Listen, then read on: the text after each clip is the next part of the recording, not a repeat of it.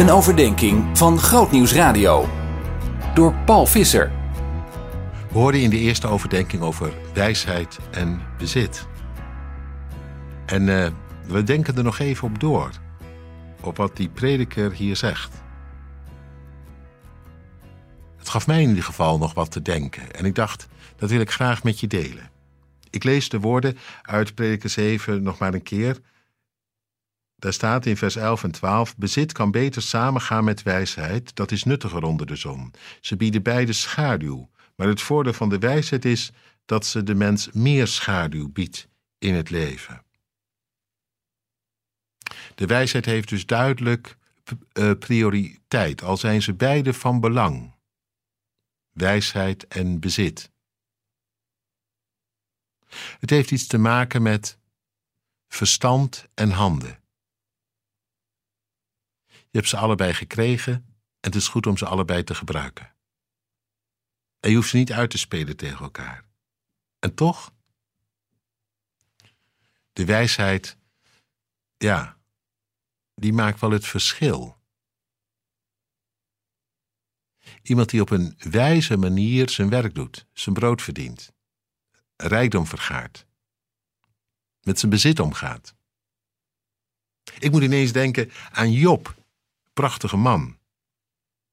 Hij was wijs geworden in God.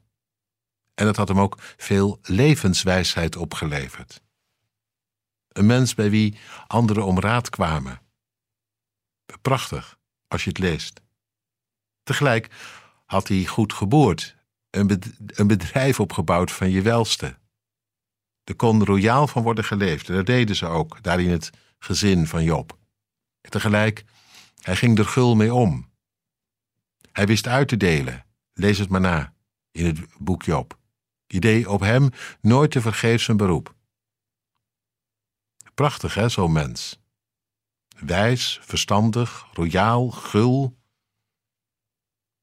Zo'n man, ja, was eigenlijk iemand die heel veel heeft van God, vind je niet? Dat kan dus blijkbaar. Zelfs de duivel viel het op. We lezen ervan. En uh, die haalt hem het liefst onderuit. Die kan het eigenlijk niet luchten of zien. Die zegt tegen God: geef mij, geef mij hem eens een poosje in handen. Zullen we kijken wat er van die mooie Job overblijft? Alles werd hem afgenomen. Je kent het verhaal. Diep verdriet, grote treurigheid, geen touw aan vast te knopen maar er middenin, terwijl hij al zijn bezit verloor. Ja, het was een gevecht, maar verloor hij de wijsheid niet. Welke wijsheid? Nou, deze. Dat, al breekt alles bij de handen af, die ene overblijft, van wie je hebt ervaren dat hij naar je omzag.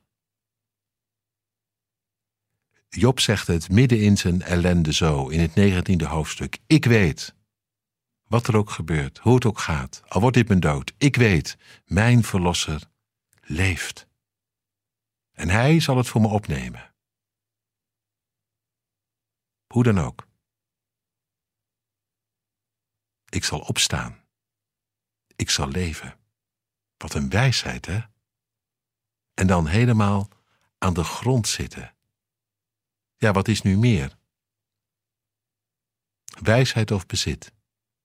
Nou, Jezus die onderstreept het nog een keer met een ander verhaal, een soort omgekeerd verhaal. Een boer die enorm geboerd had en hij had berekend: als ik grotere schuren bouw, dan kan ik gaan rentenieren. En zo had hij besloten. En toen was hij wel voldaan gaan slapen. En in die nacht, ineens plotseling, overleed hij. En de laatste vraag van Jezus is dan: al wat hij had vergaard, van wie zal het zijn? Zo vergaat het de mens, die wel rijk geworden is, maar niet wijzer is geworden van God. Ik zou zeggen, stel de goede prioriteiten in je leven. Daar word je niet minder van, integendeel. Daar word je wijs van. Zien in nog een podcast? Luister naar Zorgen voor je ziel. Via grootnieuwsradio.nl slash podcast.